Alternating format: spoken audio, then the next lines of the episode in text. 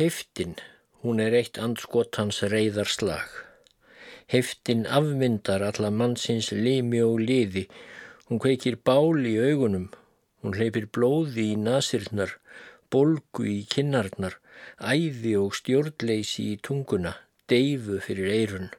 Heiftin lætur mannin gnýsta tönnunum, fljúa með höndunum, æða með fótunum.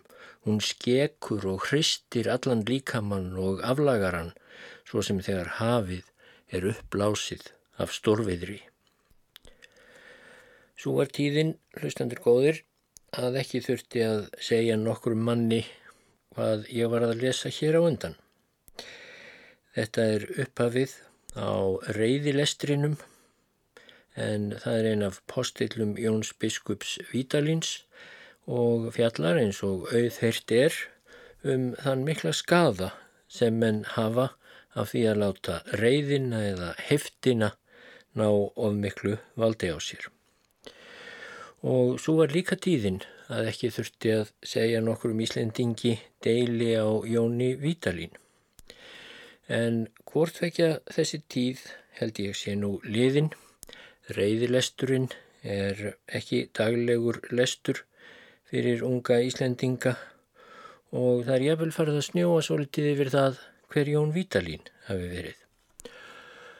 En uh, úr þessu kvortvekja ætla ég að bæta í þessum þætti fjalla um Jón Vítalín, lesa frásagnir um hann en þær eru reyndar ekki nýjar af nálinni heldur skrifaðar á 19. öld af ekki minna manni en bóluhjálmari.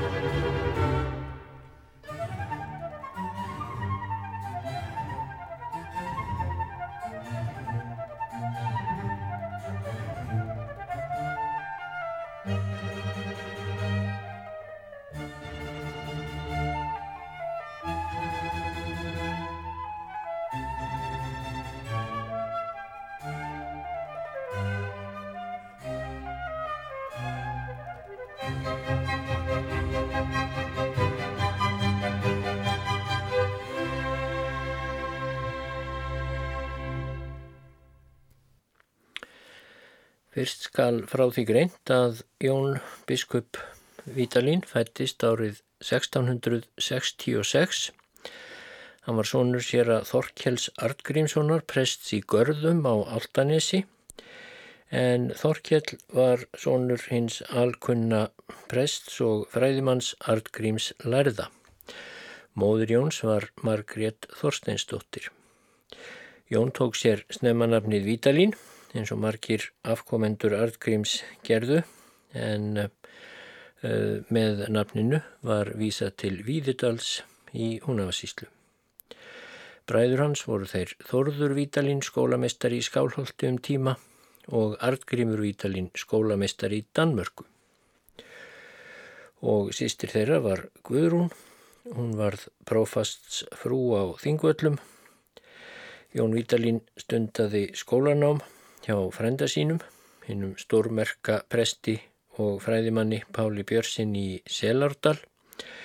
Síðan sigldan og lærði við Hafnarháskóla, var þar samtíða Árna Magnúsinni, síðar frægum sem þjóðsagna safnara. Jón var svo um tvekkjára skeið sjólið í danska flótanum og mun hafa átt vona á að hækka þær í tegn og hafði ég vel hugsað sér að leggja fyrir sig frama í danska sjóhörnum en þegar ekki hildi undir það þá kefti móður hans hann lausan fyrir milligöngu landfókjetaðans á Íslandi. Hann kom heim til Íslands 1691 og uh, árið eftir var hann kennari við Skálholtskóla 1693 domkirkjuprestur í Skálholti. Hann var svo prestur í Görðum og var valinn biskup í Skálholti 1697 aðeins sex árum eftir að hann kom heim. Hann þótti skörungur mikill orðhákur, drikkveldur, æstur í skapi þegar svo bara undir en átti einstaklega auðvelt með að koma fyrir sig orði eins og við heyrðum í reyðilestri hans um reyðina. En áður en ég tek til við að lesa samantekt Bóluhjálmars um æfi Jóns Vítalíns, þá ætlaði ég að glukka í sögu sem til er í þjóðsögum Jóns Árnasonar og fjallar um dvöl Jóns Biskups Vítalíns í Kaupanhöfn. En eins og ég sagði áðan var hann þar um tíma í danska flottanum og hefði hugsanlega getað enda þar til frambúðar. Og eh, í sögunni sem Jón Árnason varðveitti þar segir svo um dvöl Jóns í Kaupanahöfn. Hann sigildi strax í æsku til vísindarlegra yfkana en hefur að líkindum átt heldur örðu kjör Því sagt er, honum hafi verið talin trúum að miklu ábata meira væri honum að gefa sig í stríðsþjónustu og hafi hann og hlýtt þeim ráðum en þó brátt séð sig um hönd en þá verið svo bundin í báðafættur að hann varða gegna stöðu þessari um stund en það var að ekki lengi áður umskipti urðu á högum hans. Einsinni átti Jón að halda vörð með öðrum hermönum í kringum hús konungsins Kristjáns V. Þá mátti engin maður ganga um það eftir að hermenn voru gengnir á vakt. Það bar við eitt sinn er þeir heldu vörð að hvenn maðurinn gekk um borgina, brúðu varðmenn við og eldu hana. Fótkvatastur varð Jón Þorkelsson Vítalín og náði henni í hústýrum hennar. Hún baðan um líf en hann sagði annað hvort þeirra myndi lífið missa að öðrum kosti allir varmennir. Samt hétt hann enn í griðum. Hún baðan þá að finna sig og móður sína er bjóð þar í húsinu og var finsk ef það ætti líf hans að gilda. En er hermennir hinnir komu, kröfðu þeir stúlkunar af hendi Jóns Vítalíns en hann varði stúlkuna og vildi ekki láta hann af hendi. Sóttu þeir að honum en Jón varðist fimmlega, segir sagan að hann dræpið á alla. Fyrir þetta kortvekja var Vítalín dæmdur til dauða, skildi hann ríða á harðbaks hesti. Þeirri reið var svo varið að stólpar tveir voru standandi og randkvast járn á milli sem sverðsegg væri. Klauf þungi hversins er ásettist þann sama í sundur. Sagt er að Jón Vítalín færi á fund þeirra mæðgna og hafi hinn finska kjerling þá saumað bók í klófið á brókans og fengið honum hjartarskins glófa og geti þess að þetta myndi duga. Sumir segja að þar hafi þá verið viðstattur Þórður Þorkelsson Vítalín, rektor bróður Jóns. Hann hafi þrá rægt í lofana og strókið um ekkina. Eftir að Jón var settur upp á þennan harðbaks hest svo kallaða, bar ekki annað til tíðinda en að hann var jafn góður eftir. Sumir segja að Jón hafi stungið niður höndum og þeitt sér upp eins og sumir léttir menn hafað leik og þannig náða að halda sér uppi og frá ekkinni. En almælt er að Jón hafi þá sagt, er hann var komin á bak tóli þessu, þessum skal til Íslands að ríða. Konungur var þar viðstattur og bað hann nú menn sína að taka Jón ofan og gaf honum síðan upp sakir en sagði honum um leið upp þjónustu við sig. Eftir það dvaldi Jón í Kaupmannahöfn um hríð. Það bar til einu sinni að prestin okkurum eða jafnvel biskupi varð snöglega ílt við messugjörð. Svo messan virtist ætlað falla niður en konungur var þar viðstattur og allur hyrði líðurinn. Bað konungur þá einhvern af guðfræðingum sínum þar að taka til messunar er hinn hafði felt niður. En enginn þorði það fyrir en Vítalín sá það Hann kastaði þá búnaði sínum og stegi stólinn og prétikaði, en er konungi þótti hæfilega laung orðin ræðan, stóðan upp og gaf Jóni merki til þagnar. Jón hirti ekkert um það, hann herti nú ræðuna sem mest, sagði Guðsbörnum væri það sannarleg huggun og indi sálum þeirra að heyra Guðs orð, en um Satans börn hirtan ekkert pretikaði nú Jón hart og skorinort fram eftir göttunum þannig er honum leist. Þegar messunni laukloks dáðist konungur að orðfæri Jóns og einurð og sagði að hann væri betur hendur að vera biskup á Íslandi en hermaður í Danmörku.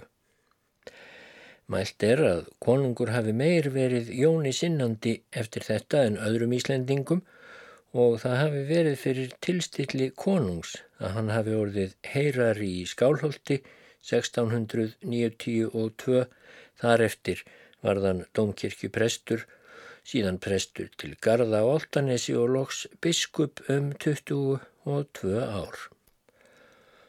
Og þá er komin tími til að heyra hvaða sagnir bóluhjálmar hafði saman tekið um uh, Jón Vítalín og byrtust í þjóðolfi. Hjálmar skrifar Magister Jón Vítalín var að persónu ásýnd og vexti fyrirmannlegur maður vel á fótkomin, herður mjög vel og djarfilegur á svip og bauð sem hátignarlega nótta, fagur eigður og harðegður mjög. Skrifar svo sér árni Þorvarðsson að fára eða engra manna færi myndi að sjá í augu biskups þá hann gripi geðsræðring.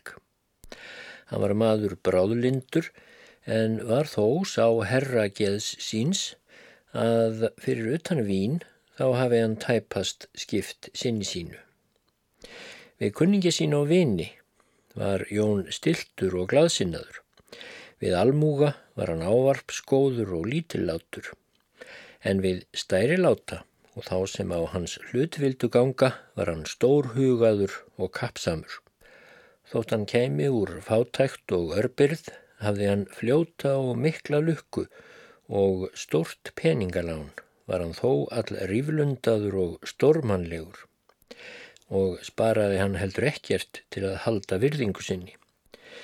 Hann var gestur í sinn mjög og veitingasamur, helt upptegnum háttum magisters Brynjóls og magisters Þorðar, forvera sinna í biskupsembætti í Skálholti og var engu síður í þeim að virðingu og veitingu meðdómenda sinna á alþingi og heldur ekki í forsorgun og framfæri ölmusu fólks heima á Skálholti og í mörgu öðru var hann engin eftirbátur Brynjóls og Þórðar.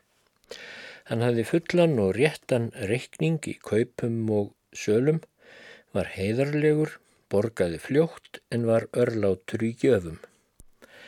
Engan nöðstattan sem til Jóns leitaði leta hann sinjandi frá sér fara. Jafnvel þótt áður hefði verið í óþokkan hans, sá hinn sami.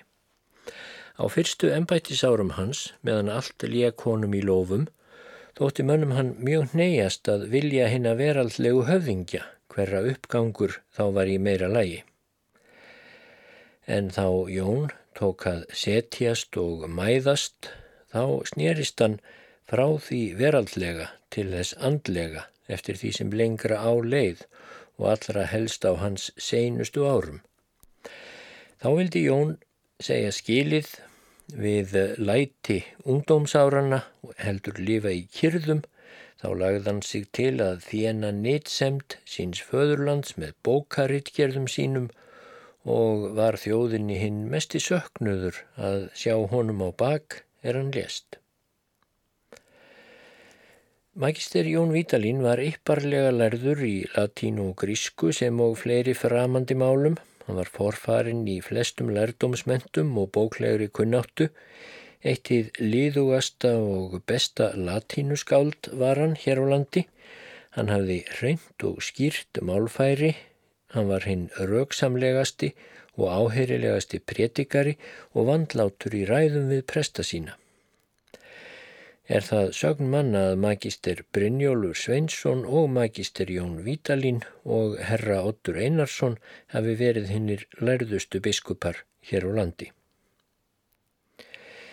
Mart hafa menn í sagnir fært viðvíkjandi Jóni biskupi Vítalín en þótt ekki sé full sönnun fyrir sömu því þá viljum við þó ekki með öllu framhjá því ganga og skal hér nokkura atburða getið að því leiti sem sagnir hafa gefist. Það var þá Jón Vítalín var stúdent fyrir um tíð að þá var hann stundum með sér að árna þorvarðsynni á þingvöllum. Sér að árni var kallaður margvís, hann kvarf oft einslega á brott svo menn vissu eigi hvað hann fór.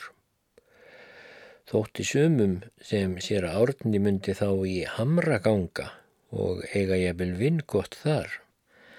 Það var svo eitt sinn að Jón kom að máli heimulega við prest sér árna og bað hann segja sér hvernig hans einslega hvarfi við viki og þá oft móti kvöldi svo engin vissi hvert hann færi.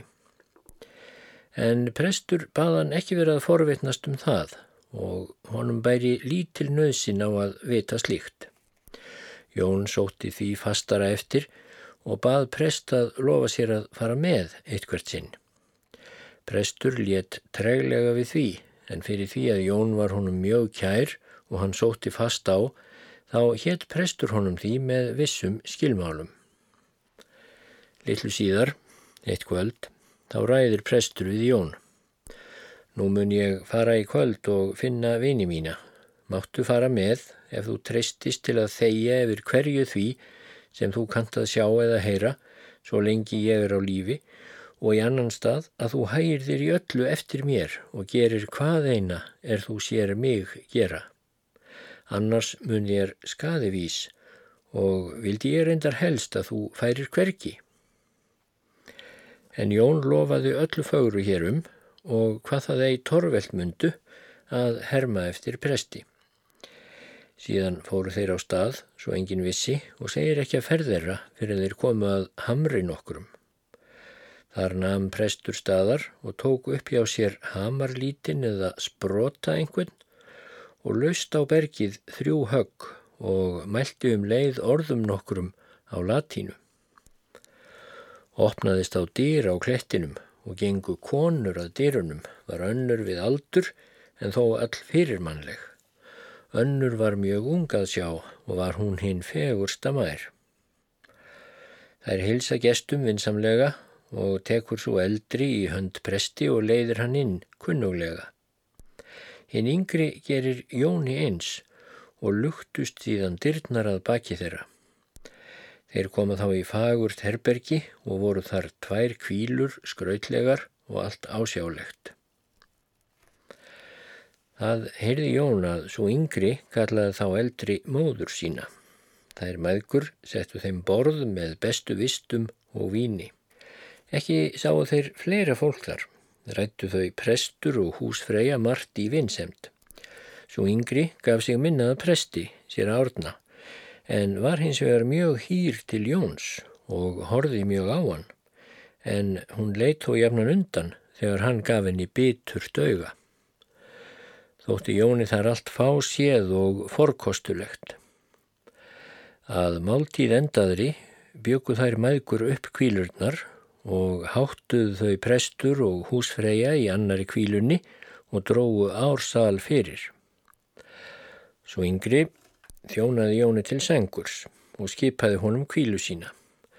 Var það all fögur rekja en er Jón var nýður lagstur þá afklætti stúlkan sig skjótt og snaraði sér kvatlega upp fyrir hann í sengina og vildi vefja hann að sér með ástarallótum.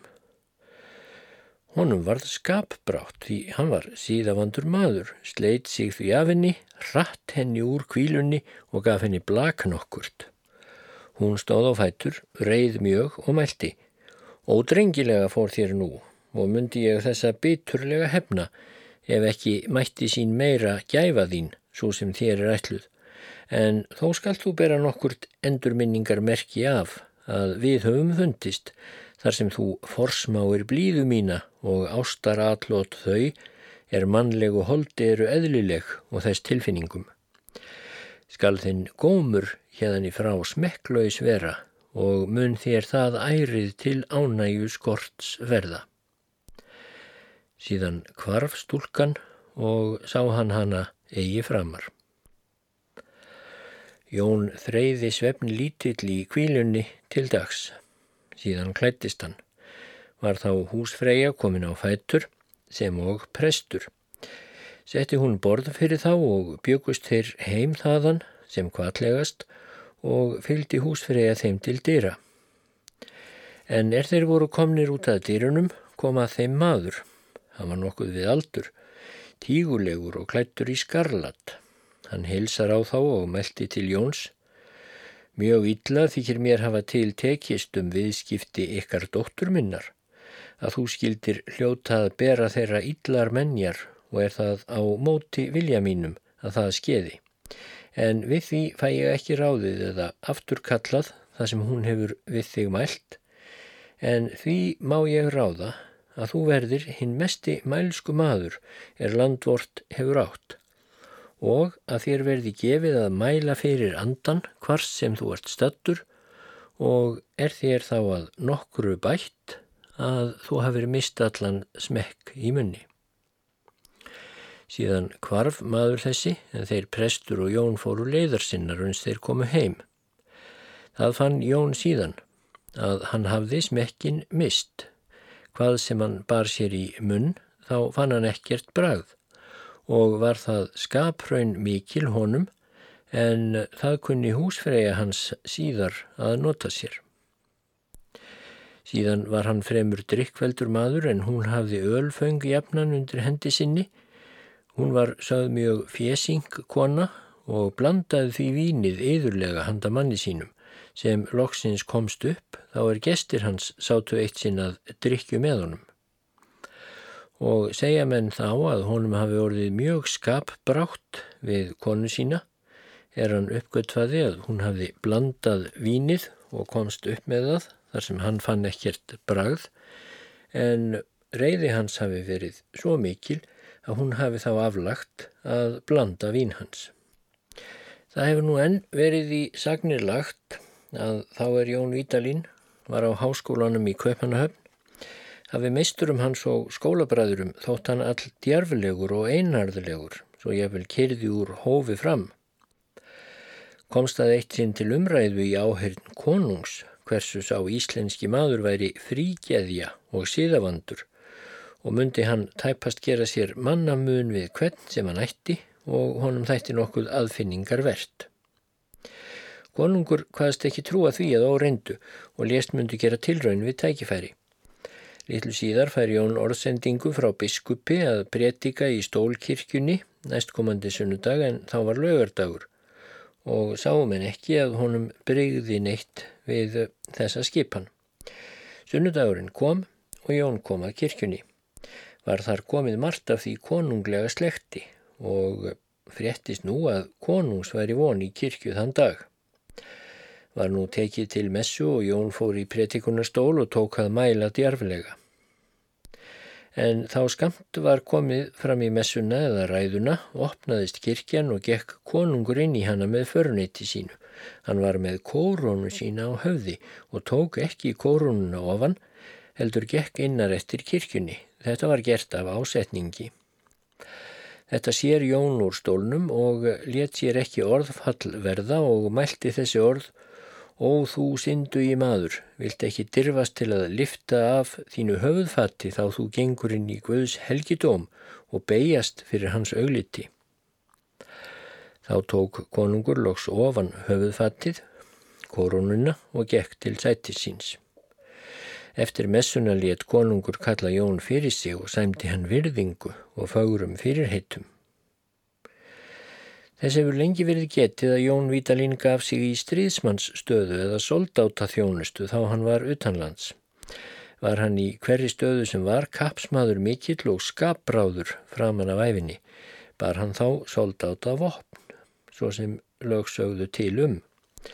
Þess er getið að Jón hafi eitt sinn sleið mann í hel að kveldidags á strætum borgarinnar. Orsök eða tilgang til þessa víks höfum við eigi greinilega heyrt. En samstundis hljóp Jón til hús þess hvar hann hafði aðsettur og flegði korða sínum blóðugum bak við sengina, hljóp síðan aftur með skyndi til stríðsmannaflokksins. Varðu nú fljótlega uppskátt víið en ekki var með öllu víst hver unnið hefði. Var þá farið fljótlega til hús Jóns því hann var mest grunaður og leitaði ef nokkuð hjartekn sægist eður áhöld hans fyndust. Fundumenn korða hans fyrir ofan kvíluna og var korðin hreitn og skjær og var því ekkert til sönnunar haft því að Jón hefði framið víið. En þjónustu stúlka einn í húsinu hafði einn séð þá er Jón kastaði korðunum blóðugum bakvið sengina, greip hún hann samstundis þvoði blóðið af og þerraði og lagði aftur á sinn stað. Nú var blásið til móts ef einhver kynnið að geta vísað á vegandan eða myndi þekkjan. Var þar helst á ferð einn maður sem nálægastur mun hafa verið tilfellinu þegar maðurinn var veginn. Og hann bar reyndar kjensla á Jón en þó með nokkrum efa eða ofdirfsku. Jón gekk þá fram að manninum og meldi Annað hvort maður, þá berð þú mig sök eða afsakaðu. Var Jón þá mjög alvarlegur. Manninum félst hugur og sagði að Jón væri líklega ekki vegandin, var svo ekki uppvíst hver víið vann. Littlu síðar vissi Jón að þjónustu stúlkan hefði þerrað blóðið af korða hans og þannig bjargað honum, hann veldi þá við hana. Fátækt mín veldur því að ég get þér engu launað sem verðugt væri.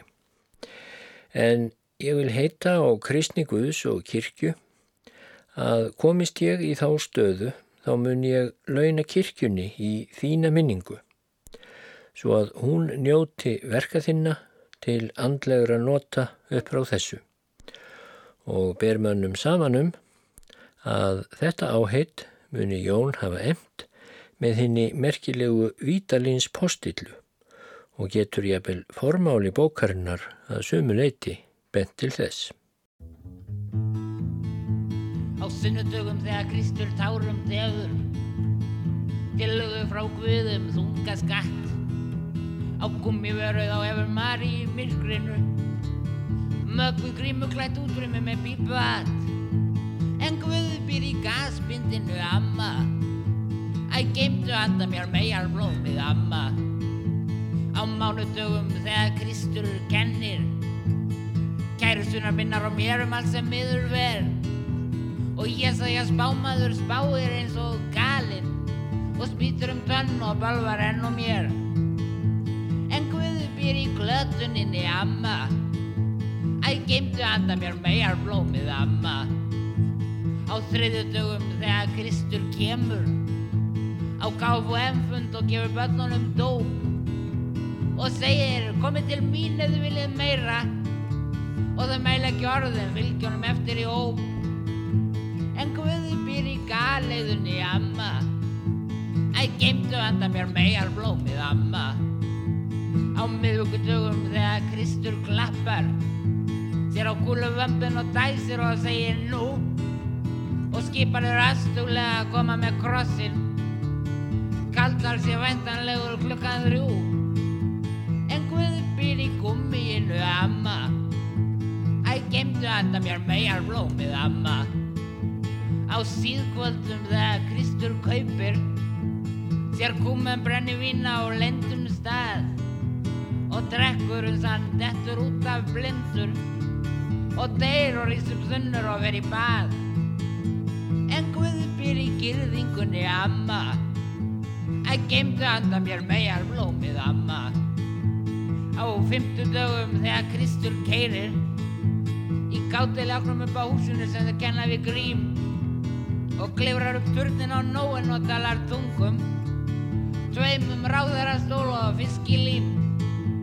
En Guð býr í galdimtunni amma. Að geimdu handa mér megar blómið amma. Og í svartnættinu þegar Kristur kynir sér í kaupöllinni hvort gengið að veði veld og menn segja jújú jú, að hann uppi hjólparðan að hamstra dekk til að geta gemt og selt. En Guði býr í gengisrunni amma. Að geimtu handa mér megar blómið amma.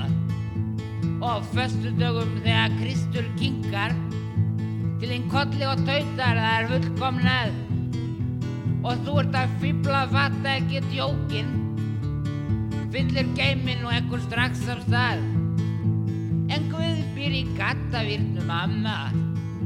Að geimtu handa mér megar blómið amma.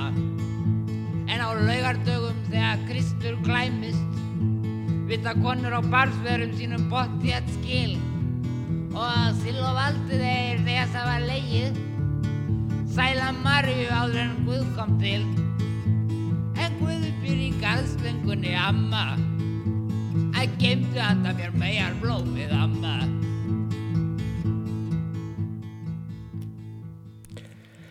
Margar sagnir hafa af því farið hversu biskup Jón Vítalín átti oft í stríði og málaferlum við ímsa höfðingja skrifar Bóluhjálmar og hafðar náttúrulega til hans því sjálfur átti hann á sínum dögum í stríði við ymsa höfðingja í sinni sveit.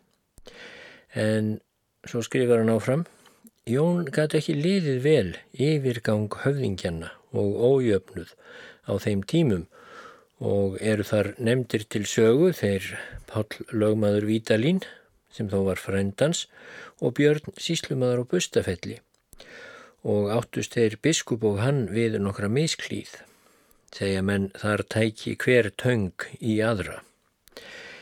Síslumadur Björn var margvís kallaður og miðlungi góðgjarn og réttlátur.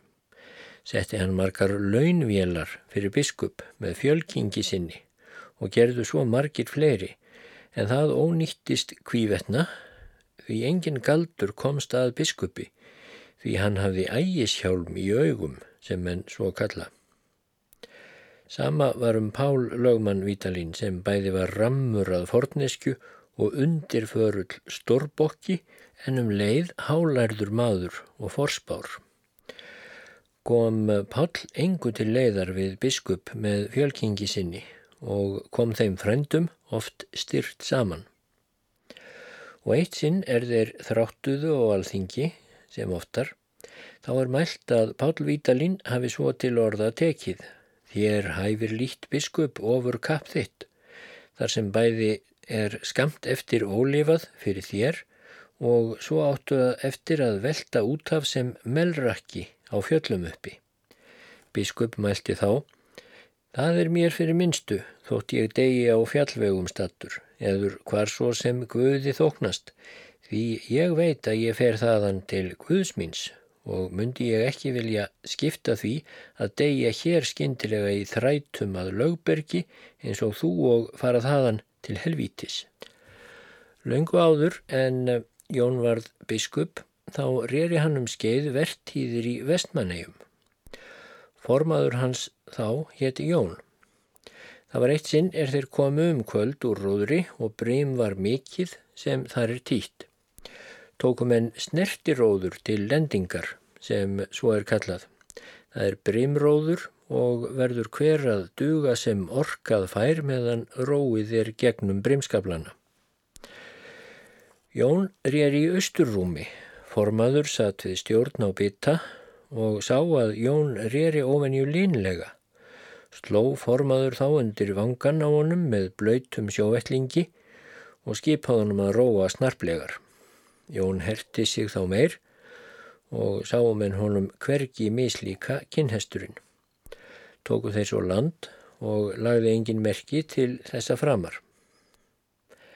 En laungu síðar, þá Ítalín var fyrir laungu orðin biskup í skálholti, þá bar svo við eitt sinn sem oftar um sumar að förukarlein mjög svo gamal kom að skálholti og baðst gistingar og var hann að fara þar um sveitir og byggja sér ölmusu.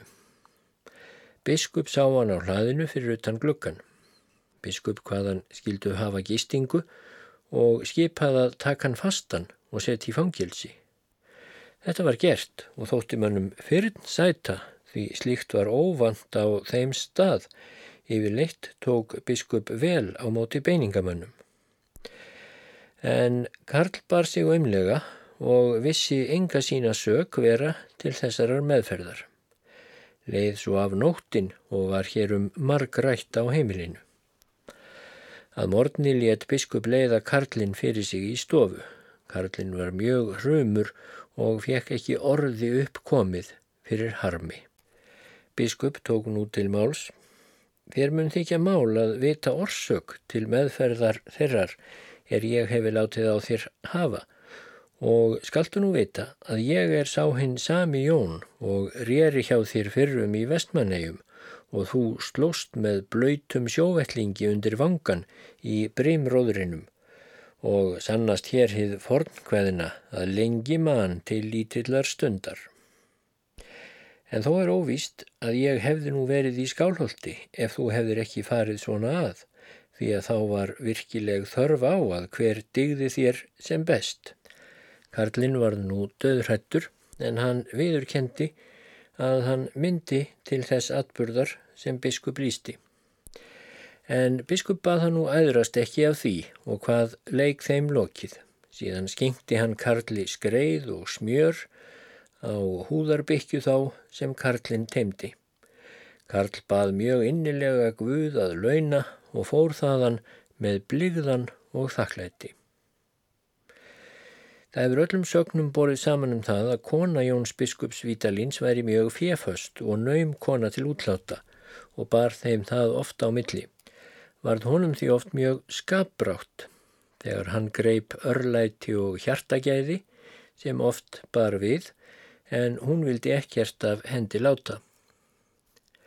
Það var eitt sumar að nábúi hans og leiguliði, fátækur mjög og söðfár, misti eftir fráfæru tvær bestu ærnar sínar af tólf úr undirhlaupi. Bar svo til eitt morgun að bondi kom heim að skálholti hitti hann biskup og rættu þeir margt saman.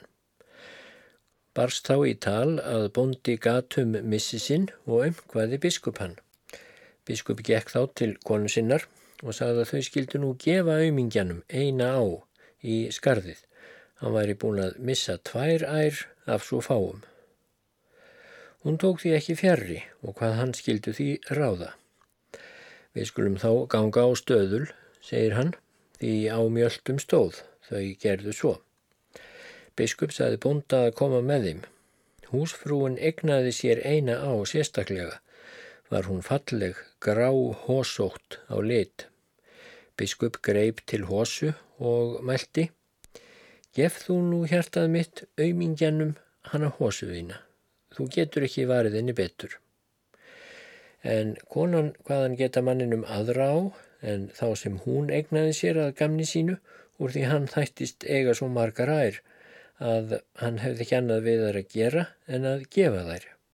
Biskup ítrekkaði að hann vildi gefa þessa á og enga aðra. Þótti þeim sitt koru og deildu nú mjög um þetta. Biskupi varð skapbrátt og mælti allir munu þó svo álýta að ég eigi hálfa ána á mótið þér og skal nú þegar í stað skipta jæmt í mill okkar og ráði síðan hvort fyrir sig sínum hluta eftir velþóknan. Síðan greip hann korða sinn og hjó ána sundur í miðju í tvo parta í einu höggi og sagði bónda að hyrða annan partin en gaf honum jafnframt tvær ær úr kvíunum aðrar. Húsfrú gekk heim í skyndi, afar rygg og reið er þess ekki getið að biskup hafi leytast við að huggana. Mart því líkt bar þeim í milli. Biskup Jón Vítalín var mikill yðjumadur að náttúru, má það og ráða af ræðum hans að honum var illa við letina. Gekk hann oft að verki með mönnum sínum þegar hann hafði tíma til jafnvel að veggjarleðslu. Hann fór líka á engjar með þeim og sló, var hann þá í bóndabúningi en þó betri háttar. Hann var í sortulituðum buksum og silfur neftum ból. Förufólk þekkt hann ekki í þessu gerfi eða langferðamenn. Varðan og með þessum hætti margra hluta vís og vöruðust með það ekki hvað þeir sögðu er þeir áttuði sig ekki á að þarna var biskup nálagt. Það var eitt sinn er hann var á engjum við slátt með piltum sínum að förukarl kom til þeirra. Hann síndist mjög hrumur og hilsar á mennina. Biskup var fyrir svörum og spurði hver hann væri og hvað að fara. Karlinn nefndi sig og hvaðst verið að fara um og byggja ölmussu því hann væri öregi og uppgefin. Biskup spurði hann vandlega að æfisinni og lífskjörum en Karl leisti úr greiðilega og sennilega. Biskup ráðlaði honum að koma við á biskupsgarðinum. Kanski þér verði þar eitthvað gott gert. Hinn hvaðast ófús til þess. Það orð færi ekki af biskupsfrúnni að hún gerði mikið gott sér og sínum líkum. Væri það flestra sögn að hún væri mesta járnsál við auðmingja og þætti vel fyrir goldið ef hún sniftið á ekki beinlýnis. Er ég ekki framfærin við þessa stórhauðingja, saði Karl, og ég get ekki beðið á neins. Ég vænti hans ég góður og gjafalítill, þessi blessaður biskup líka, er sagt að hans ég ekki stoltur við auðmingja. Biskup líti á allt þetta og bar hann mjög ámælið af frúsinni en hallaði heldur á biskup. Hann ráðlaði Karli að fara heim því dagur væri þróttin og vera í nótt og sjá svo hvað gerðist. Karlinn hlíti því og kastaði á þá hverju sinni, bar ekki fleira til. Morgunin eftir þá menn voru risnir, bóðaði biskup Karlinn fyrir sig. Hann kom mjög auðmjókur og varð honum mjög hvert við er hann þóttist kenna biskup fyrir sama mann og þann sem hann hafi rætt við í gæri á engjunum. Biskup spurði hvort hann hefði fundið biskupsfrúna en hann hvað nei við en þegið hef ég gistingu góða sem ég byrð Guð að launa. Biskup mælti þá, hér er lítilræði til ölmusu sem kona mín sendi þér og beitti mig að afhenda þér. Er þér með því sínt að lastleggja ekki náungan að óreindu hvort sem hann á af sér meira eða minna. Karlinn kraup nýður af blíðan og beitti biskup fyrirgefningar með tárum. Biskup tók því ljúft og veitti Karlinnum ríkulega ölmusu sem kona sín hefði sendt honum, sagðan. Let hann síðan Karlinn frá sér fara með skörpum áminningum. Mikilsvert þótti mannum um röggsemd Jóns Vítalins. Bauð hann af sér virðingu mikla og ótta, engum þá hann flutti Guðstjónustu í kirkju hefur svo frásagt, sér að Jón Haldursson, að postilla Jón Svítalins lesin til húslestra megi kallast sem eintóm máttlaus loknþoka hjá því að heyra hann sjálfan flytja sömu pretikanir í ræðustól. Svo hefur frásagt verið að eitt sinn á alþingi bar svo við að þingið þótti heldur róstu samt. Greindi hinn að æðri menn og biskup mjög á um ímislegt sem oft skeði og var biskup mjög í geðsræringu um þingið, en að þinglausnum var messað í þingvallakirkju sem síður var. Biskup var vanur að útnefna einhvern af prestum sínum að stíga í stólinn, en nú breytt hann því og hvaðst sjálfur myndu fara í stól og var svo til messu tekið. Voru allir höfðingjar í kirkju því flestum var forvitni á að heyra hinn snjalla kennara. Biskup fór í stólinn og varð hann mörgum all mikill fyrir augum, hrifin geðsræringum og klættur messusgrúða. Hann flutti ræðu mikla og þótti mönnum all hörðvera, var lítið evangelist blíðviðri í orðum hans þá og harnaði því meir ræðan sem á leið, svo höfðinginum þótti ekki lengur vært undir og gengu út í flokki og þyrptust fram kirkugólfið. Biskup talaði til þeirra af stólnum með brennandi augum og skipaði þeim að sitja kyrrum í Guðshúsi þar til ennbætti væri lokið.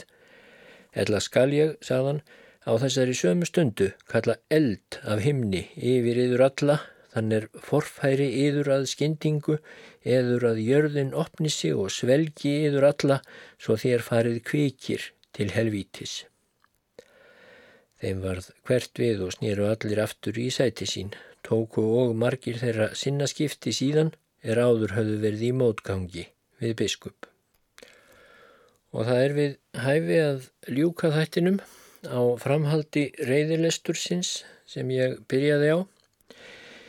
Í uh, Vítalins postillu segir svo um heftina Hún gjörir mannin að ófresku og að holdgetnum djöfli í augum þeirra sem heilvita eru.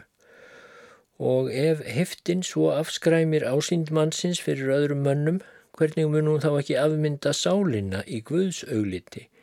Segið mér hví líkur djöfull mun þar inni búa sem álit mannsins verður hið ytra svo afskræm. Hvílikur eldur mun vera í því hjarta er hann listir sig þaninn út í hvern einn lim og lim.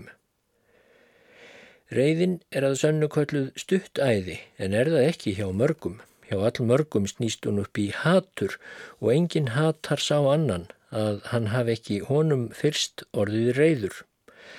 Fáum þeim sem reyðast þykir reyði sín vera ránglát og með svotan móti verður reyðin að hatri í mannsins hjarta og súrnar þar inni, þar til þess hún skemmir kerið og er þar illa farið með Guðs musteri, þegar það er gjört að svotan djöbla bæli, hvar andskotin inni ríkir með sjö öndum sér verri, því heftin er aldrei einsömmul. Öfund, dramsemi, róur, líi, bakmælgi, akk, þræta, tvítrækni og margt annað ílþýði fylgir heftinni hjarnan. Vonskan er frilla djöfulsins og eitt frjósamt kvikindi. Einn ílska getur þúsund aðrar af sér og er reyðin og heftræknin fósturmóðir þeirra allra. Vakti því hver kristin maður hjarta sitt og láti þar enga sinnsamlega gerind inni drotna heldur byggji Guð að skapa hreint hjarta í sér, þá mun honum síður verða hætt við reyðinni. Látið yfir í hug koma að sáliriðar búi í heihúsi því allt hold er hei, segir raust predikarans sem hrópar í eðimörku. Hversu fljótt kann það að verða til ösku brent þegar í því kviknar af heftinni og hvar erum við þá?